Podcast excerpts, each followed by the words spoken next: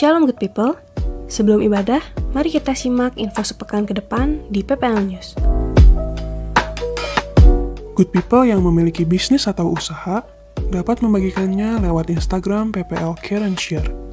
Info lebih lanjut bisa menghubungi ketua PK masing-masing atau menghubungi nomor WhatsApp yang tertera berikut ini.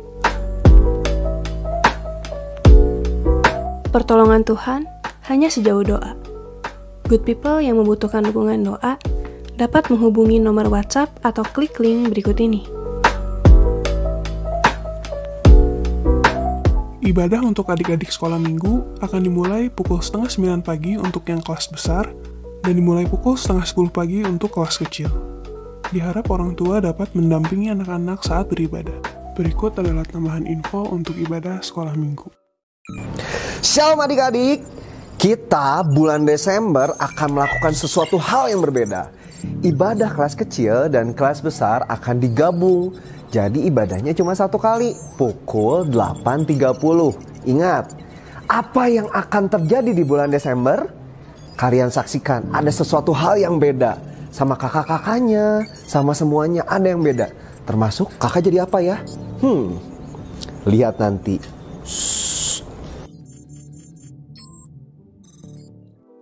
Persembahan dan perpuluhan dapat good people salurkan lewat rekening BCA atau scan QR code berikut ini.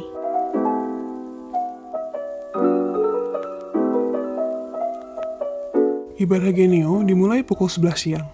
Bisa diikuti secara onsite maupun online. Teman-teman youth people, jangan ketinggalan ya. Good people, jangan lewatkan ngobats atau ngobrol bareng sahabat bersama Bang Christian pada hari Senin tanggal 23 November 2020 akan tayang lewat Instagram Live di jam berikut ini. Kelas MK tanggal 26 November 2020 akan membahas tentang pergaulan pria dan wanita bersama Bapak Iwan Setiawan dan PDP Budi Yulianto. Akan diadakan secara daring via Zoom dan linknya akan dibagikan di grup WhatsApp.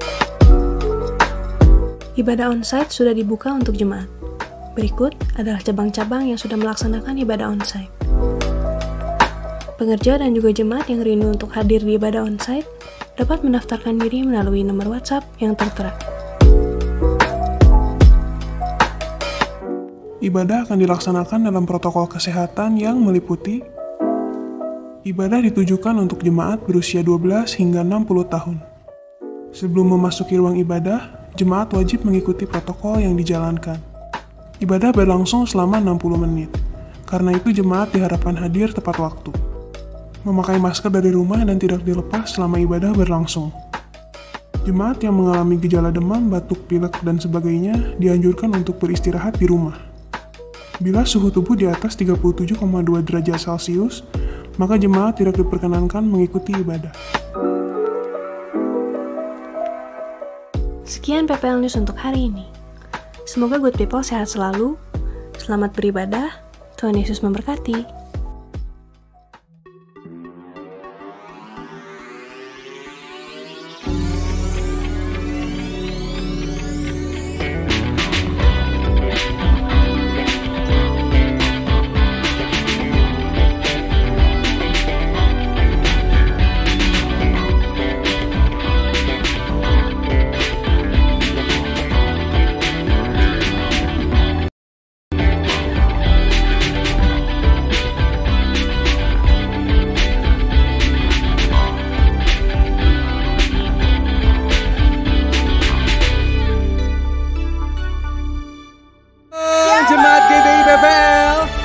Apa kabarnya hari ini? Luar biasa. Kami harap Bapak dan Ibu di mana pun Anda berada, di tempat ini maupun di rumah, semua dalam keadaan baik dan sehat. Amin. Yes, Mari kita bangkit berdiri, kita akan mulai ibadah kita pada pagi hari ini. Come on.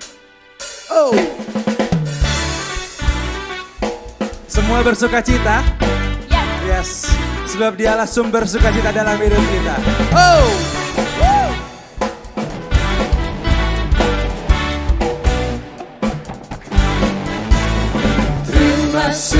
Sukacita surga. Itulah kekuatan bagi jiwa. Ku dapat rasakan kasihnya Di tengah badai yang bergelora Terima sukacita surga. Itulah kekuatan bagi jiwa. Amin. Ku dapat saksikan kuasanya. Taklukkan badai yang bergelora. Haleluya. Kau ada dalam hatiku. Amin. Takkan patah semangatku. Takkan hilang kekuatanku. Haleluya. Mau bersorak Tuhan. Sebab sukacita. Cita surga nyaman Penuhiku Amin. Oh. Mari bersama yang bersukacita.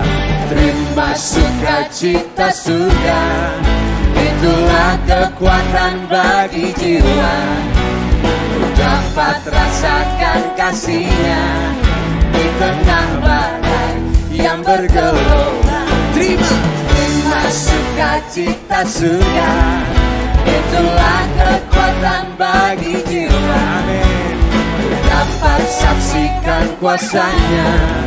Taklukkan badai yang bergelora. Haleluya. Kau ada dalam hatiku. Takkan patah semangat kami Tuhan. Sebab engkau sumber kekuatan. Takkan hilang kekuatanku Haleluya Ku mau bersorak bagimu Sebab sukacita nyata. penuhiku Katakan sekali lagi haleluya. Haleluya. Kau dalam hatiku Takkan patah semangatku Takkan hilang. Oh, oh. Haleluya. Bersorak bagimu Yes. Sukacita surga nyata Penuhiku Mari lambaikan kedua tanganmu pada Tuhan katakan Haleluya Kau ada dalam hatiku. Kami percaya Tuhan takkan patah semangatku. Yes Takkan hilang kekuatanku.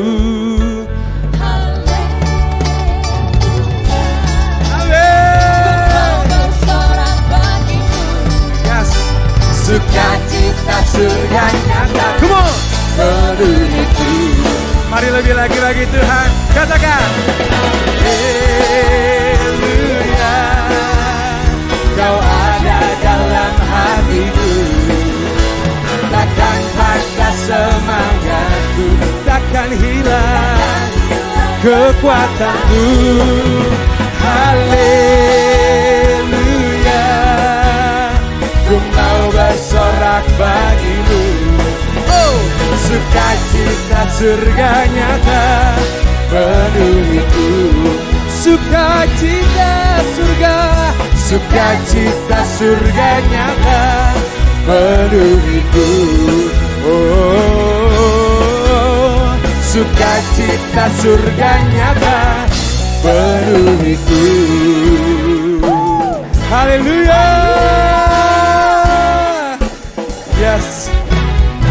Mari yang bersuka cita Berikan sorak-sorai terbaikmu bagi Tuhan. Haleluya! Haleluya! Kita bersemangat untuk terus memuji nama Tuhan di tempat ini amin. Mari nyanyi puji Tuhan Come on. Hey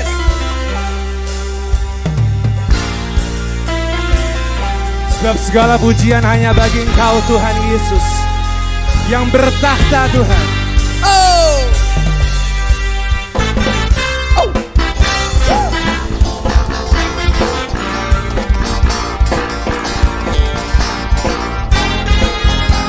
Inilah nyanyian hati kami Bapa. Bersama katakan Nyanyi puji Tuhan Bangun baik kudusnya Di tempat ini Yesuslah hadir Kemuliaan Tuhan dinyatakan Oh sukacita hey! Bangun baik kudusnya Persembahkanlah seluruh hidupku Bagi kemuliaannya. Anugerahnya bagiku kasihnya dicurahkan. Sambutlah dia juru selamat. Bersoraklah kebun Nyanyi puji Tuhan. Amin.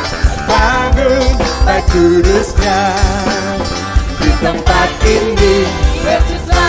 Yes Kemuliaan Tuhan dinyatakan. Oh sukacita Amin. Bangun baik kudusnya.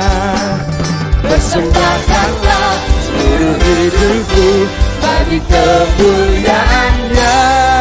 Katakan anugerahnya bagiku. Kasihnya. Mari bersama terima. Sambutlah dia Juru selamat. Bersoraklah kemudian Nyanyi puji Tuhan! Bangun baik kudusnya Di tempat ini Yesuslah hadir. Kemuliaan Tuhan. Oh sukacita Bangun baik kudusnya Persembahkanlah seluruh hidupku Bagi kemuliaannya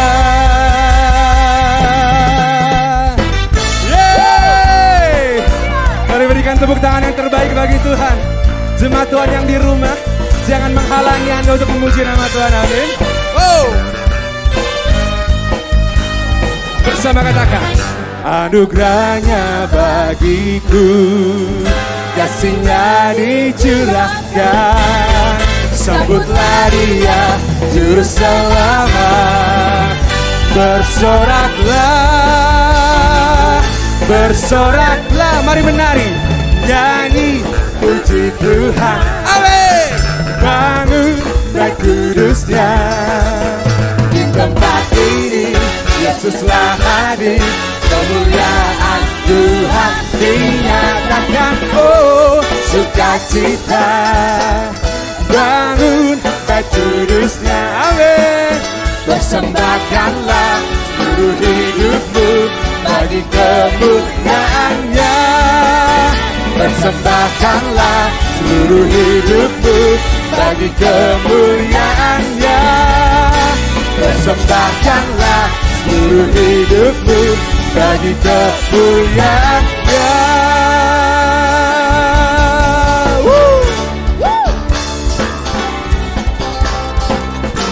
Yes, bersama teriakan nyanyi Haleluya. Haleluya. Silakan duduk Bapak dan Ibu. Yes. Sebab kami percaya Tuhan saat kami bernyanyi, saat kami menyembah Engkau, memuji Engkau Tuhan, Engkau disenangkan di tempat ini ya Bapak. Kini tiba saatnya bagi kami untuk mendengarkan firman-Mu Tuhan. Sungguh kami percaya saat terindah kami adalah berada dalam hadirat-Mu ya Tuhan. Yes Jesus. Kau Allah yang memulihkan kami. Kau Allah yang membebaskan kami Tuhan. Kami sungguh yakin dan percaya setiap firman yang dibagikan akan menjadi rema dalam hidup kami Tuhan. Menjadi tuntunan bagi hidup kami ya Bapa. Yes Jesus.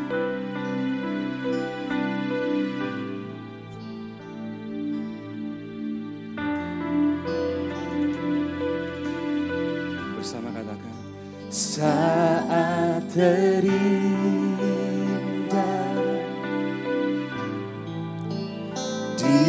hadiratmu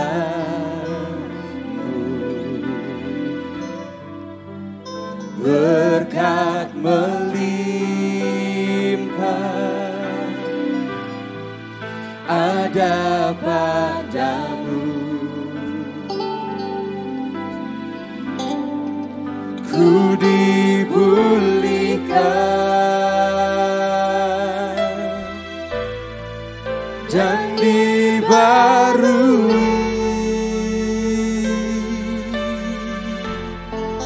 dalam hadiratmu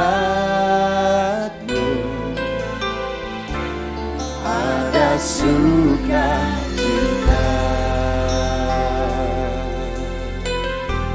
Yes benar Tuhan. Inilah pernyataan hati kami ya Bapa. Katakan saat terindah. Amin. Di hadiratmu berkat melimpah. berkat melimpah Terima kasih Tuhan ada padamu ku dipulihkan ku dipulihkan Yes Lord. Dan dibarui.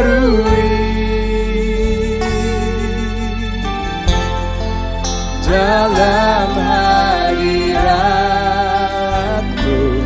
ada sukacita. Ada sukacita. Yes benar Yesus Mari bersama kita katakan lagi dari awal. Dengan sepenuh hatimu katakan Saat terindah oh,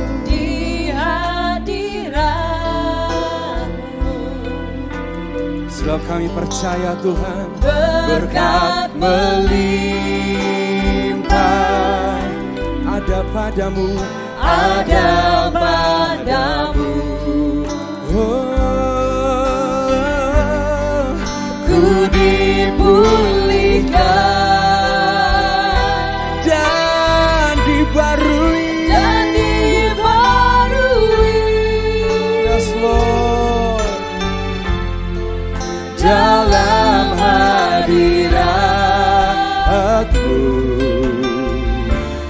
ada sukacita. Mari nyatakan ku dipulihkan dipulihkan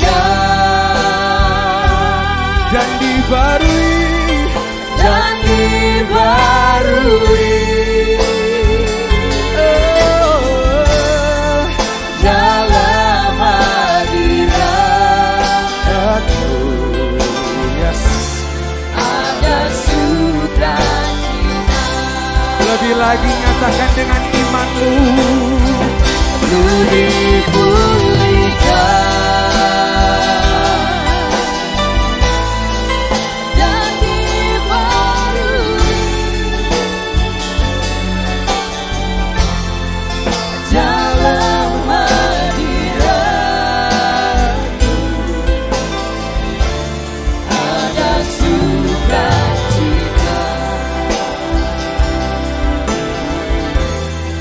Mari berikan penyembahan yang terbaik bagi Tuhan. Kami senang berada dalam hadiratmu Tuhan. Sebab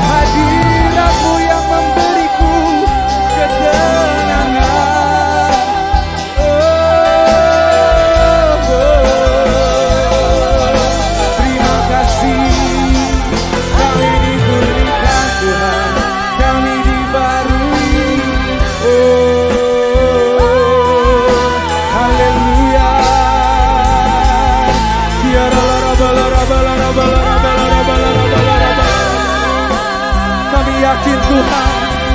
Saat kami berada dalam hadiratmu Bapa Engkau bekerja atas hidup kami Tuhan.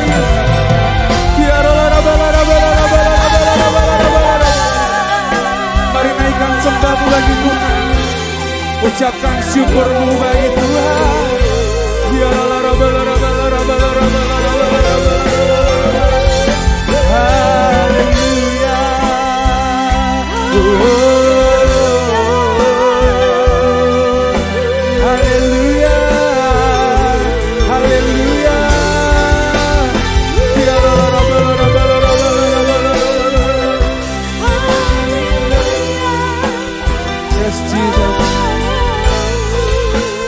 jemaat Tuhan, saya undang kita untuk bangkit berdiri. Katakan ku dipulihkan, ku dipulihkan. Amin, Yesus. Dan dibarui uh, dalam hadiratmu ada sukacita, sukacita. Angkat kedua tanganmu, arahkan pandanganmu pada Tuhan. Katakan, ku dipulihkan. Ku dipulihkan. Terima kasih ya Bapa dan dibarui Yesus Tuhan dalam hadirat. Yes Lord. Ada suka Amin. hadiratmu memenuhiku Hadiratmu Tuhan. hadirat kudusmu penuhi baikku Dan ku tersungguh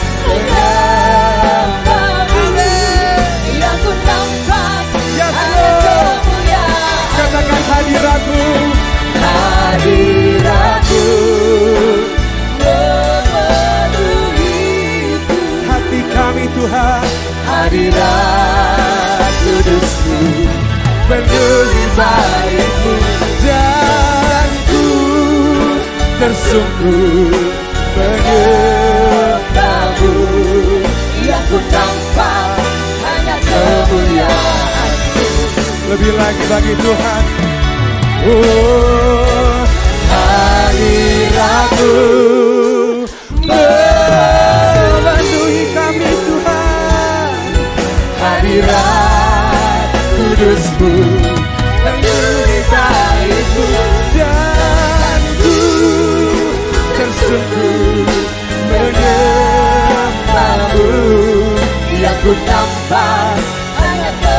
Lagi bagi Tuhan katakan hadiratmu memenuhi kami ya Bapakku.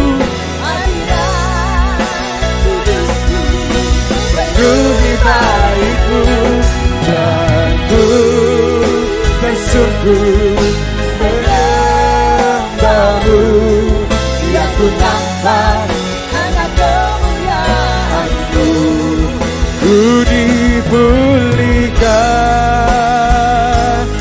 Katakan dan dibarui Dan dibarui. Oh Dalam hadiratku Ada suka Sekali lagi nyatakan Kami dipulihkan Tuhan. Ku dipulihkan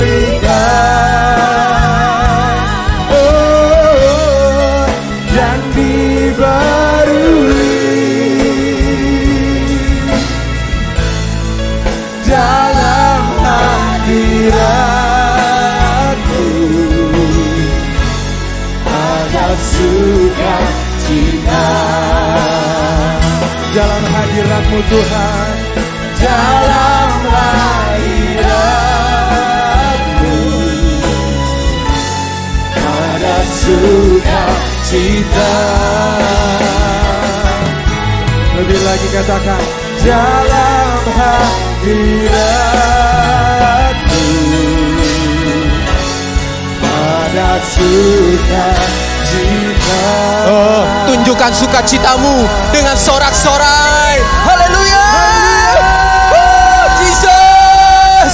We love you, John. We love you, Lord. Jesus. Haleluya. Haleluya. Ya, sungguh di hadirat Tuhan ada sukacita. Yes. Kami bisa bersuka cita karena Tuhan ada bersama dengan kami di sini. Tuhan ada dengan setiap kami yang ada di rumah yang sedang beribadah. Oh terima kasih, Roh Kudus terima kasih. Ya setiap pengagungan yang kami sudah naikkan, itu nyenengin hati Tuhan. Yes, amin. Saatnya kami mau mendengarkan firman-Mu. Roh Kudus urapi kami, urapi hambamu ini. Penuhi dengan kekuatan Tuhan. Supaya firman-Mu penuh tersampaikan dengan baik. Mampukan hambamu ini untuk bisa berkata-kata dengan jelas. Dan kami semua bisa mendengar dengan jelas, mengerti dengan baik, sehingga kami bisa melakukannya dengan tepat. Terima kasih ya. Tuhan terima kasih kami sehat-sehat. Kami dipelihara Tuhan. Kami dilindungi, kami ada di tempat ini. Kami bangun dengan keadaan yang sangat baik. Terima kasih untuk kota yang aman. Kami bisa beribadah dengan baik. Kota yang sehat. Terima kasih. Berfirmanlah, kami siap mendengarkannya. Roh Kudus, ambil alih. Di dalam nama Tuhan Yesus Kristus, kita yang siap mendengarkan firman Tuhan dengan semangat katakan, amin. Ya, silakan Bapak Ibu semua duduk. Thank you. Shalom semuanya. Shalom Bapak Ibu Saudaraku yang ada di rumah. Kembali kita bisa beribadah dengan baik hari ini. Saya mau membagikan sambungan dengan bulan yang bulan lalu saya sampaikan. Bulan lalu tanggal 18 Oktober saya menyampaikan firman Tuhan di tempat ini. Apa judulnya? Aduh. Aturan main. Secara rohani ada aturan main, secara jasmani ada aturan main. Aturan main, peraturan apa pun itu peraturannya jangan dilanggar karena setiap pelanggaran akan peraturan pasti ada sanksinya. Hari ini saya mau menyambung apa yang saya sampaikan bulan lalu Bapak Ibu Saudaraku. Hari ini saya kasih judulnya begini, aturan kerajaan surga. Aturan kerajaan Allah. Kerajaan surga, kerajaan Allah artinya sama Bapak Ibu. Siap untuk mendengarkannya? Bapak Ibu semua di rumah sudah bangun? Sudah bisa beribadah dengan baik hari ini? Aturan kerajaan surga, aturan kerajaan Allah. Saya mau buka yang pertama adalah Yohanes 3 ayat 3 Bapak Ibu Saudaraku. Yohanes 3 ayat 3. Yesus menjawab katanya, Aku berkata kepadamu, sesungguhnya jika seorang tidak dilahirkan kembali, ia tidak dapat melihat kerajaan Allah. Jika seseorang tidak dilahirkan kembali, kata Yesus, dia tidak bisa melihat kerajaan surga. Melihat saja nggak bisa apalagi masuk. Jadi untuk kita bisa melihat kerajaan surga, untuk kita bisa masuk dalam kerajaan surga, maka kita harus menerima Yesus sebagai Tuhan dan Juru Selamat pribadi kita. Itu artinya kita sedang dilahirkan kembali. Roh, benih dosa, manusia dosa, dicipta ulang, dilahirkan kembali oleh Tuhan secara roh untuk menjadi manusia baru. Di mana Yesus harus ditinggikan Terima Yesus sebagai Tuhan dan Juru Selamat pribadi kita Bapak Ibu. Ini dasar yang paling teguh. Ini dasar dari iman kita kepada Yesus. Kita harus terima Yesus sebagai Tuhan dan Juru Selamat selama-lamanya. Karena di luar Yesus tidak ada keselamatan. Di di bawah kolong langit ini tidak ada nama lain yang olehnya kita bisa selamat kecuali di dalam nama Yesus Kristus Tuhan. Ini bagian, ini poin pertama. Ini yang harus menjadi utama, pertama, dan ini mutlak dalam hidup kita. Yesus jadi Tuhan di hidup kita. Yesus juru selamat hidup kita. Setelah poin yang pertama ini, ada langkah selanjutnya Percaya menerima Yesus itu langkah pertama. Poin kedua dan seterusnya. Tidak berarti apa-apa. Tidak ada gunanya jika engkau tidak menerima Yesus sebagai Tuhan dan Juru Selamat dalam hidupmu. Amin Bapak Ibu. Yang menerima Yesus, yang yang Yesus itu adalah Tuhan dan Juru Selamat bagi hidupmu. Katakan. Yang di rumah katakan.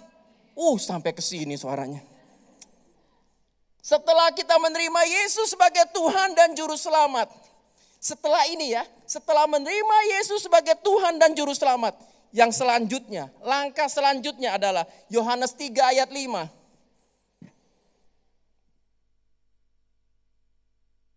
Jawab Yesus, "Aku berkata kepadamu, sesungguhnya jika seorang tidak dilahirkan dari air dan roh, ia tidak dapat masuk ke dalam kerajaan Allah. Jika seseorang tidak dilahirkan dari air dan roh, tidak dapat masuk ke dalam kerajaan Allah." Artinya, kita harus hidup dalam pertobatan, Bapak Ibu, dengan baptisan air sebagai tanda pertobatan kita.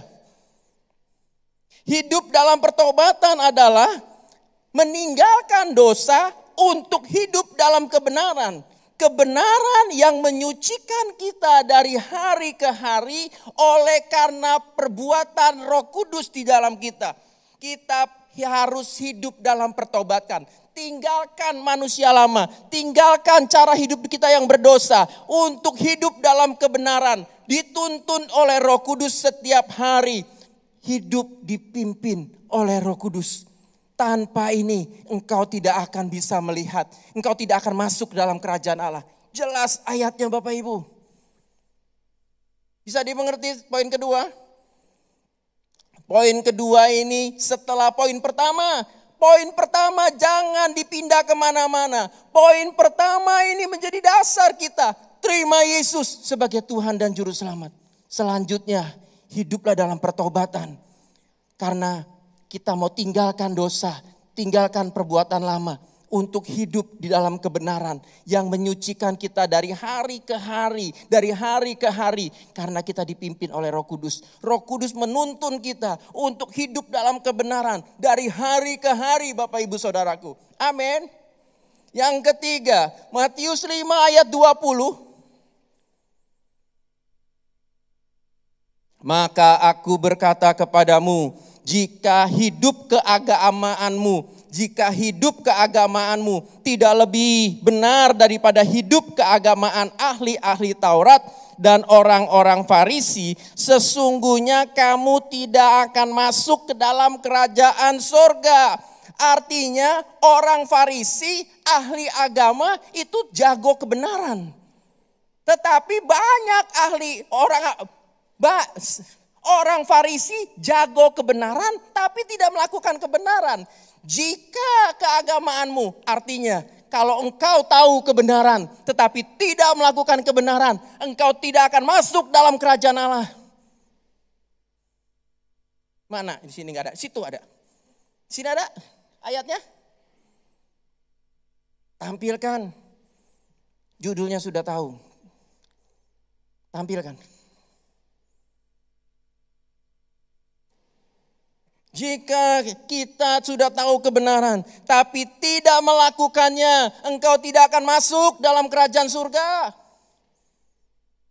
Jika kita menggunakan kebenaran, kita menggunakan isi Alkitab kita untuk menghakimi orang, engkau tidak dalam kebenaran, engkau tidak akan masuk dalam kerajaan surga. Kita tahu kebenaran hanya untuk menghakimi orang, itu bukan kebenaran. Kita harus menjadi pelaku dari kebenaran. Kita harus menjadi pelaku firman Tuhan. Jika kita sudah tahu firman Tuhan, engkau tidak melakukannya, engkau tidak akan masuk dalam kerajaan surga. Wow. Amin Bapak Ibu. Tegang ini lagi koreksi diri atau lagi mikir?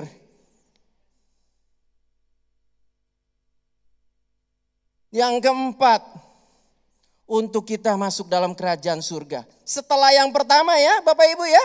Setelah yang pertama. Poin yang kedua, ketiga dan seterusnya. Ini menjadi langkah kita selanjutnya. Perhatikan firman Tuhan Bapak Ibu. Yang keempat, Matius 18 ayat 3. Aku berkata kepadamu, sesungguhnya jika kamu tidak bertobat dan menjadi seperti anak kecil ini, kamu tidak akan masuk ke dalam kerajaan surga. Kita selamat bukan karena perbuatan kita. Iya, iya. Kita selamat hanya karena Yesus selamatkan kita. Kita selamat karena Yesus kasih hadiah, kasih anugerah, kasih karunia sehingga kita selamat. Setelah kita dapat jaminan keselamatan itu. kita harus lakukan bagian dua, tiga, empat, dan seterusnya. Karena ayatnya jelas, jika engkau tidak begini, engkau tidak masuk kerajaan surga. Bukan berarti, berarti keselamatan diukur dari perbuatan. Bukan. Jika seseorang bisa lakukan poin 2, 3, 4 sampai seterusnya. Tanpa engkau menerima Yesus sebagai Tuhan dan Juru Selamat. Semuanya sia-sia. Amin Bapak Ibu. Wah. Matius 18 ayat 3 bilang apa? Aku berkata kepadamu sesungguhnya jika kamu tidak bertobat dan menjadi seperti anak kecil ini, kamu tidak akan masuk dalam kerajaan surga. Kembali diulangi, jika engkau tidak bertobat. Dan jika engkau tidak seperti anak kecil ini, jika kita tidak seperti seorang anak kecil, artinya apa? Tulus hati, lurus hati, murni hati. Kalau kita menghidupi kebenaran, hidup dalam pertobatan, maka hari ke hari hati kita disetting selalu lurus, enggak bengkok, selalu tulus, enggak curang, selalu murni, enggak munafik.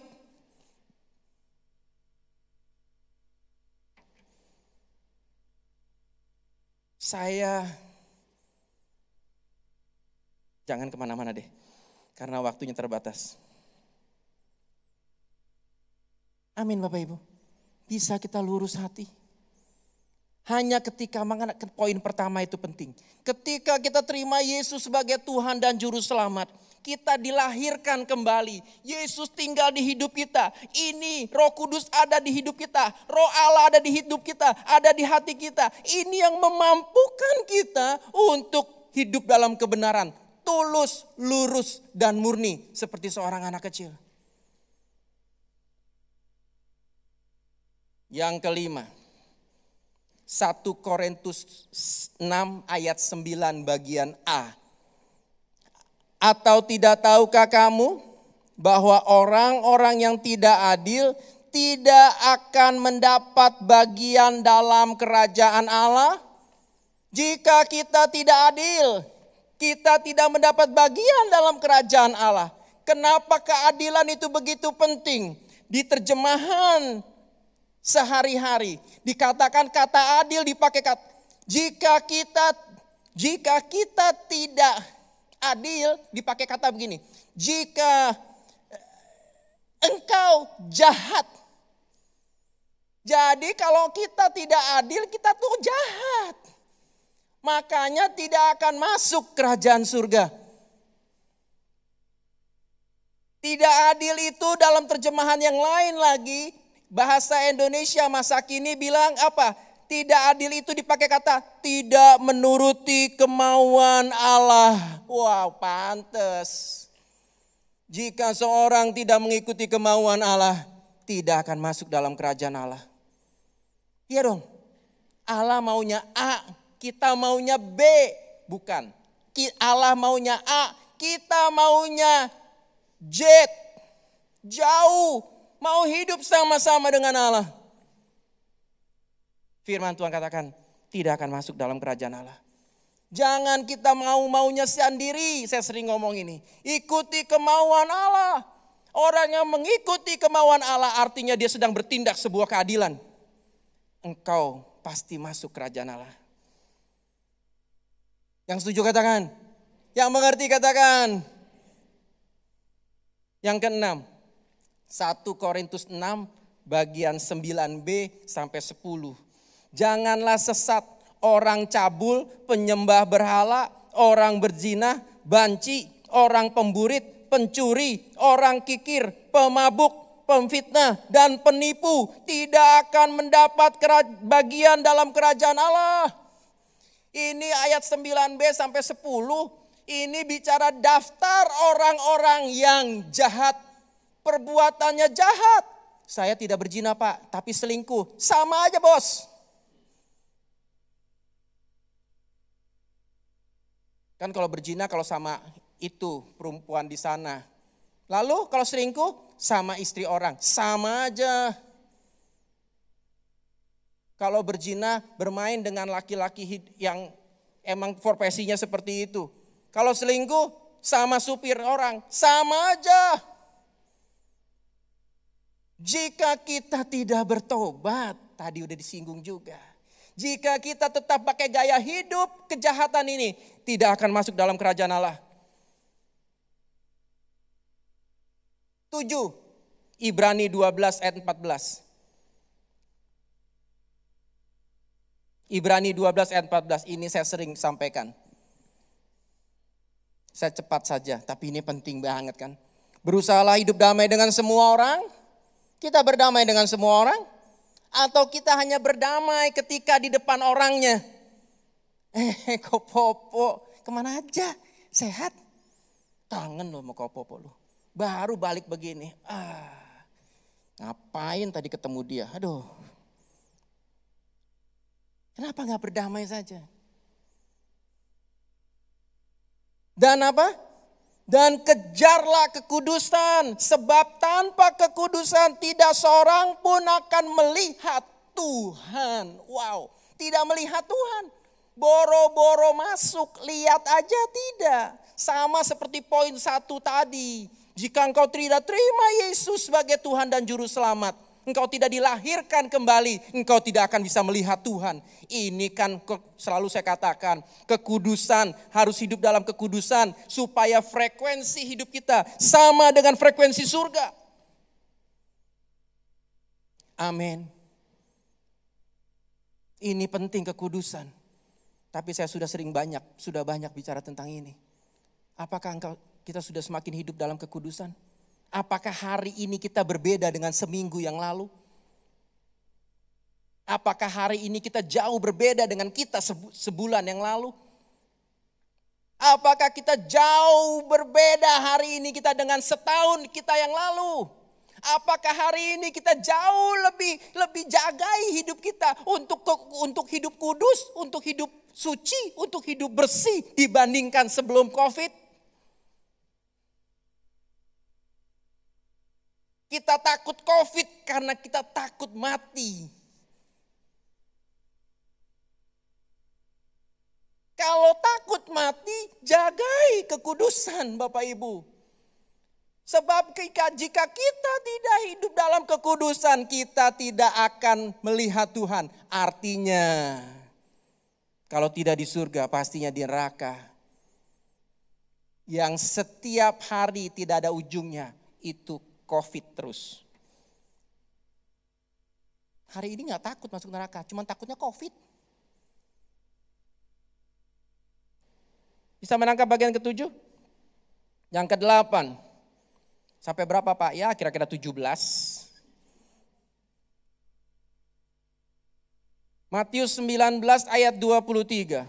Yesus berkata kepada murid-muridnya, Aku berkata kepadamu, sesungguhnya suka sukar sekali bagi seorang kaya untuk masuk ke dalam kerajaan surga.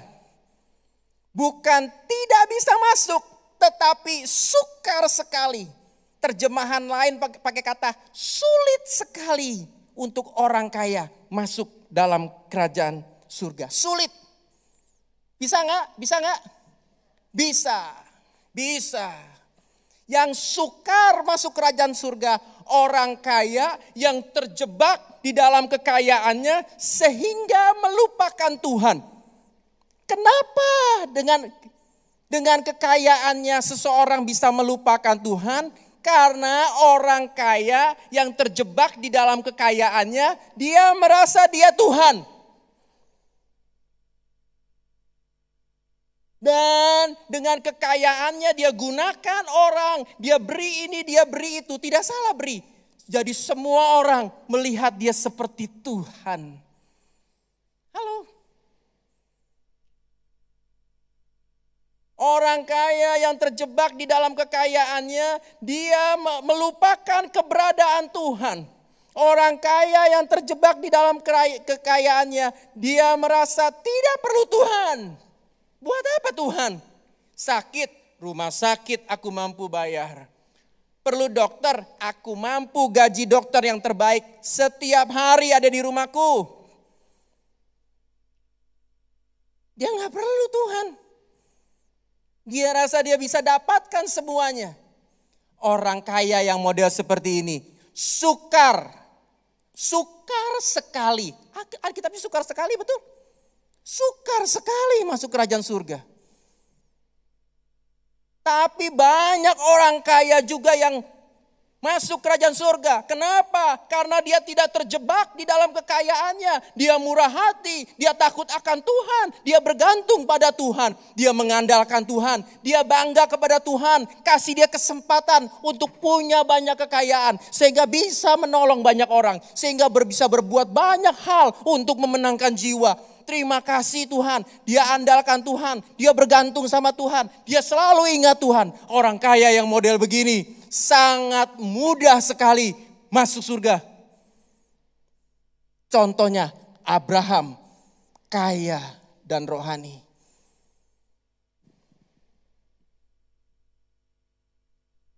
Amin. Jangan bilang orang kaya tidak bisa masuk surga kalau dia terjebak, dia terikat dengan kekayaannya, dia mementingkan dirinya sendiri, dia merasa dia Tuhan yang model begini, sukar masuk kerajaan surga.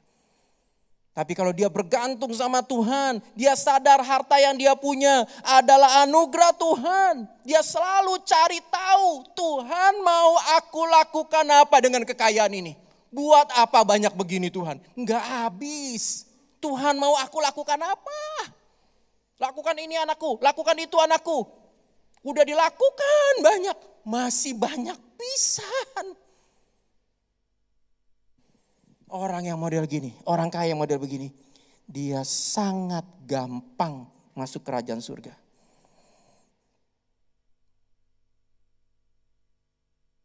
Yang kesembilan, ini yang terakhir. Nanti baca Bapak Ibu di rumah. Lukas 9 ayat 57 sampai 62. Bapak Ibu baca di rumah di lengkap. Lukas 9 ayat 57 sampai 62. Baca juga terjemahan firman Allah yang hidup. Bagus. Ini kisah tentang apa?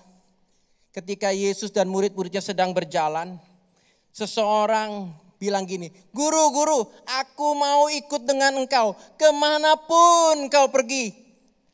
Yesus bilang, aku anak manusia, aku nggak punya tempat untuk meletakkan kepalaku. Serigala punya liang, burung punya sarang, tapi aku nggak punya tempat tinggal loh. Bingung dah tuh orang dengernya. Hah? Bukan jadi enak ikut Yesus. Punya segalanya. Hah? Dia bingung dah. Yesus panggil orang kedua. Kamu ke sini, ikut aku, jadi muridku. Orang kedua ini bilang apa? Nanti ya, aku kuburin ayahku dulu. Ingat ada kalimat, ada cerita itu? Di bahasa firman Allah yang hidup bilang, nanti ya setelah ayahku meninggal, Orang ketiga bilang datang, Tuhan aku ikut dengan engkau ya. Tuhan bilang apa? Halo?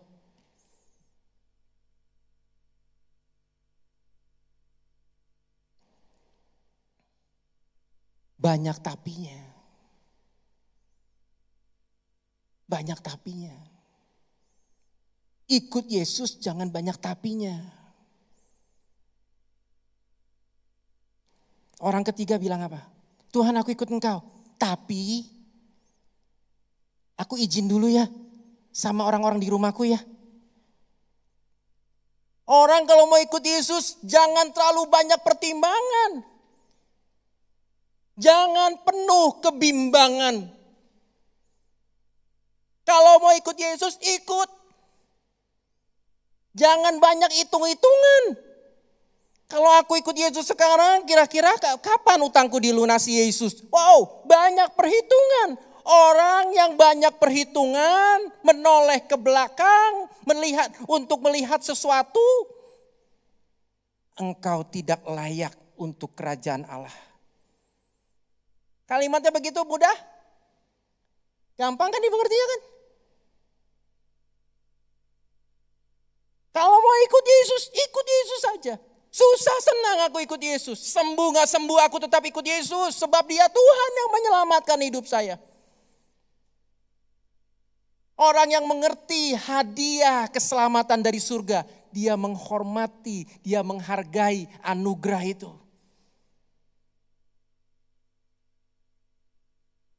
Enggak ditolong, enggak apa-apa.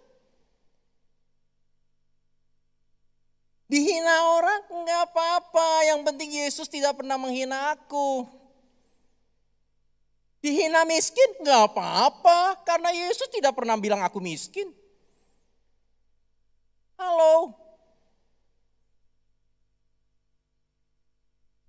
Setiap orang yang siap untuk membajak tetapi menoleh ke belakang, tidak layak untuk kerajaan Allah. Ayat 62-nya bilang itu. Apa menoleh ke belakang? Itu hitung-hitungan. Tapi, tapi, nanti deh tunggu, tunggu anak-anakku udah mapan dulu om. Ayo percaya Yesus, nanti deh tunggu punya cucu dulu, tanggung. Tiga bulan lagi. Nanti deh kalau orderan ini goal, aku punya banyak uang, aku ikut Yesus deh. Enggak, enggak. Orang yang begini enggak layak untuk kerajaan Allah. Terjemahan lain kata tidak layak dipakai kata tidak berguna. Apa artinya tidak layak? Tidak pantas ada di dalam kerajaan surga orang-orang yang hitung-hitungan begini. Nanti deh tunggu anak-anakku lulus kuliah dulu.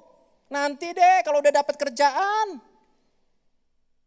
Enggak, enggak. Ikut Yesus. Kalau kita memutuskan untuk ikut-ikut ikut Yesus, Yesus ikut saja.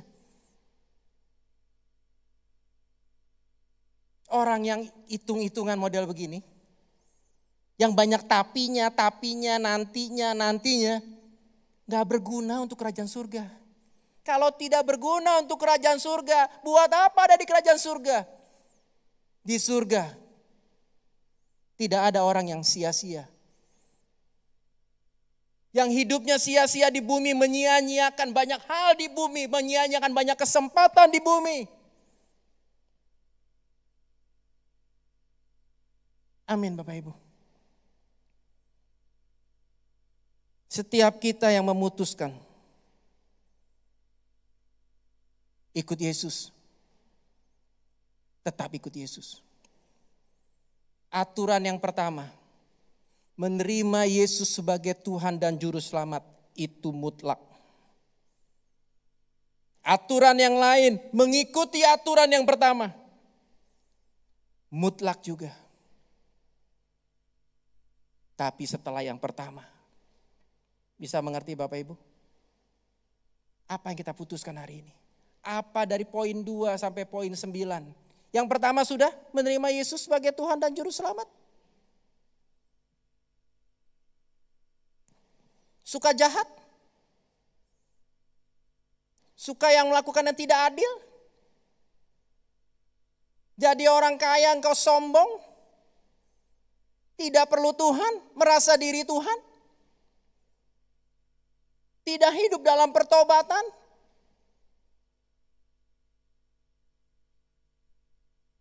tidak jaga kekudusan, tidak masuk dalam kerajaan surga. Mari kita tunduk kepala Bapak Ibu.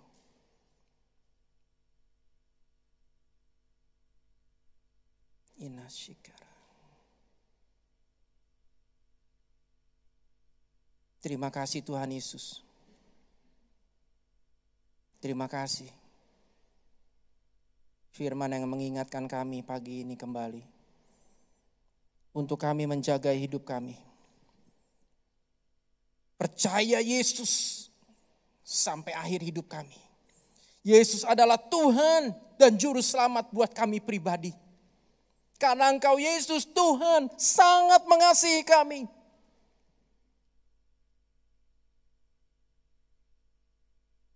Sayang sama kami. Dan Tuhan mau kami ada bersama dengan Tuhan nantinya. Kami harus jaga hidup kami. Kami harus hidup dalam pertobatan, diperbaharui, hidup dalam kebenaran, disucikan hari ke hari oleh tuntunan dari Roh Kudus yang ada di dalam kami. Roh Kudus pimpin kami untuk hidup dalam kebenaran, hidup dalam pertobatan. Kami tahu kebenaran, kami lakukan kebenaran. Kami bertobat untuk tidak menghakimi orang dengan kebenaran. Yesus Tuhan.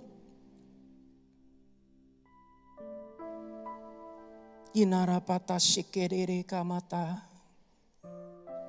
Setiap kita koreksi hati. Bapak ibu saudaraku di rumah.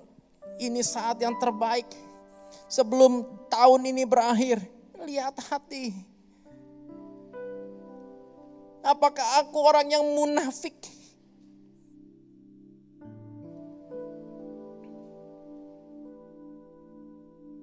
Apakah aku orang yang iseng, sering jahatin orang, senang kalau orang celaka?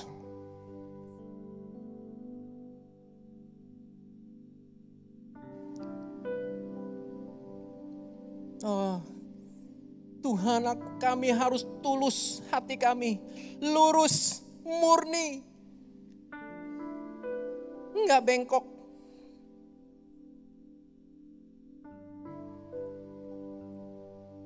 Terima kasih Tuhan Yesus untuk firman-Mu pada saat ini.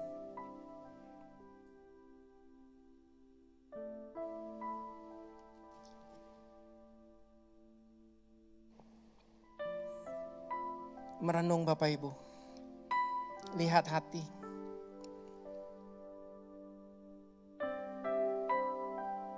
Oh, Roh Kudus, selidiki hati kami. 22 November 2020. Kesempatan baik. Saat yang terindah ketika kami ada di hadirat Tuhan. Ketika kami ada di rumah Tuhan memuji, menyembah dan mendengarkan firman-Mu yang mengajar dan menegur. Firman-Mu yang mengingatkan kami untuk kami menjagai hidup kami supaya kami Tuhan bisa berjumpa dengan Tuhan, melihat Tuhan ada bersama Tuhan di surga. Kami mau taat akan aturan-aturan main surga.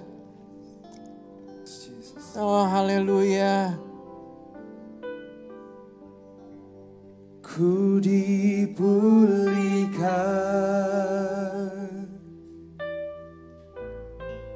dan dibarui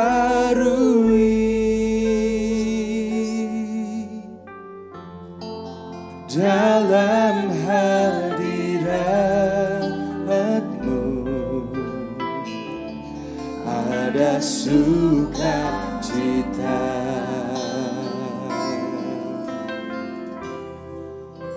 Saat terindah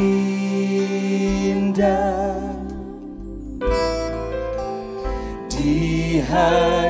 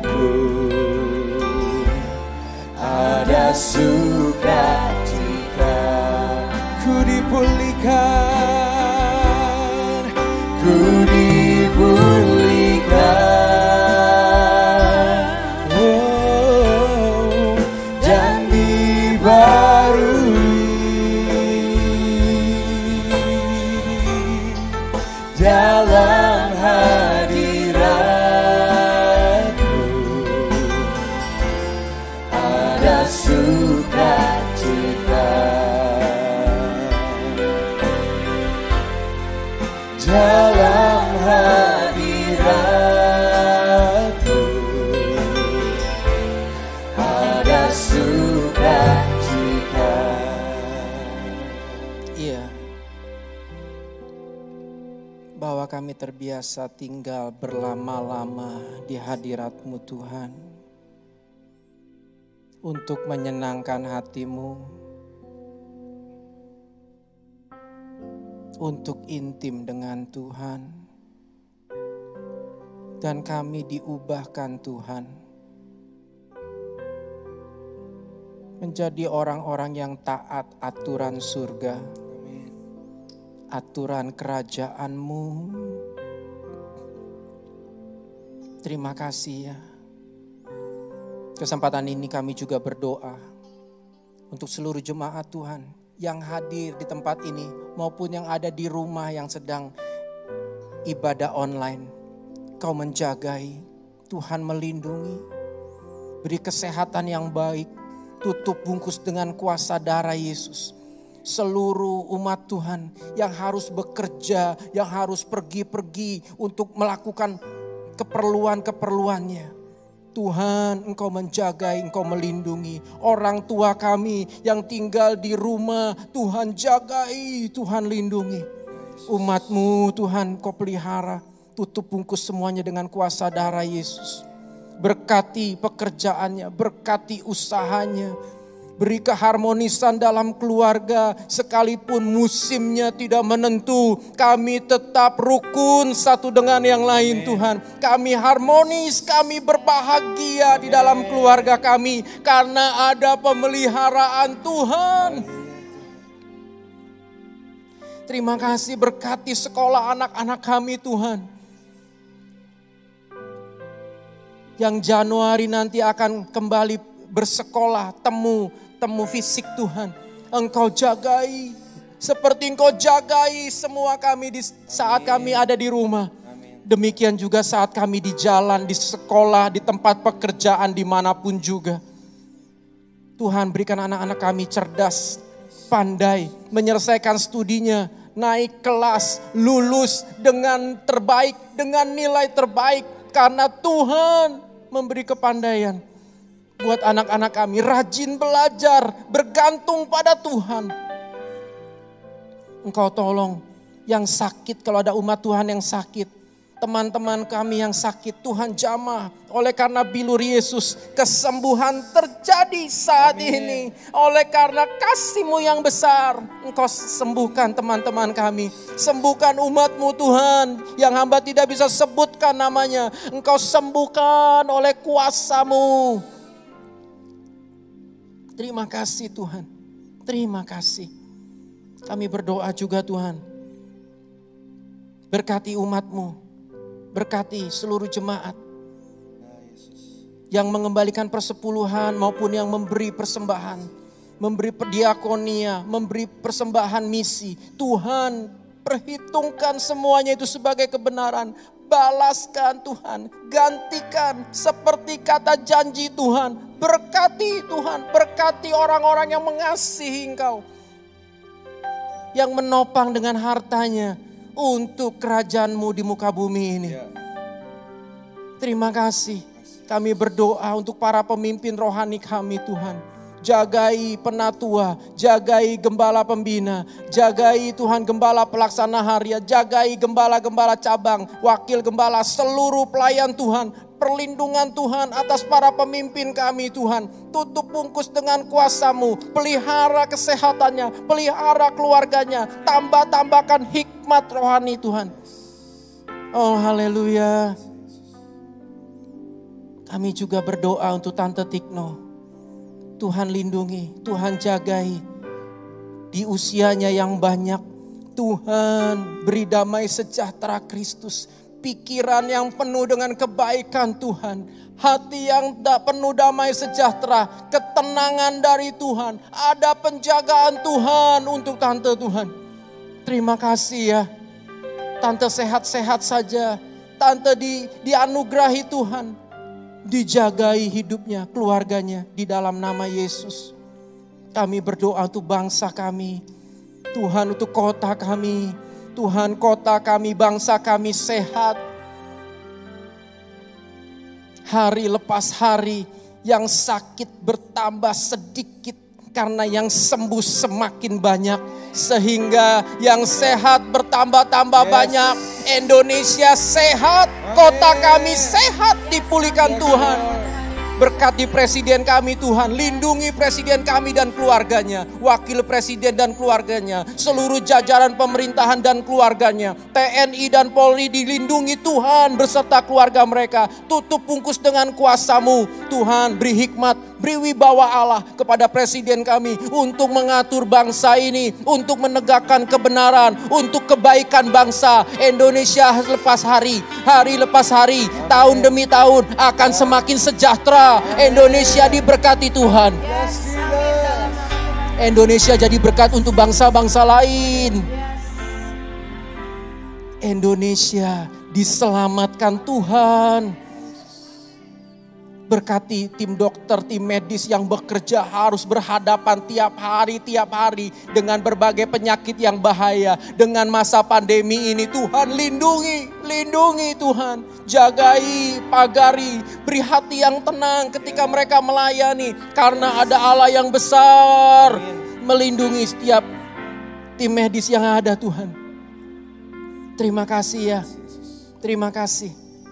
Sebentar kami mau pulang, mari kita bangkit berdiri. Bapak ibu saudaraku juga yang ada di rumah, buka hati. Angkat tanganmu. Bapak ibu saudaraku yang kekasih. Terimalah damai sejahtera sukacita Allah. Pastikan hidupmu berbahagia. Semua berkat rohani, semua berkat jasmani. Tercurah berlimpah-limpah dari Allah Bapa di surga cinta kasih yang sempurna dari Tuhan Yesus Kristus menyelamatkan hidup kita.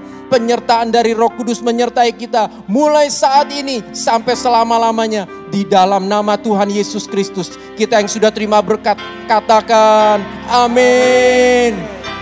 Ya, silakan duduk Bapak Ibu Saudaraku.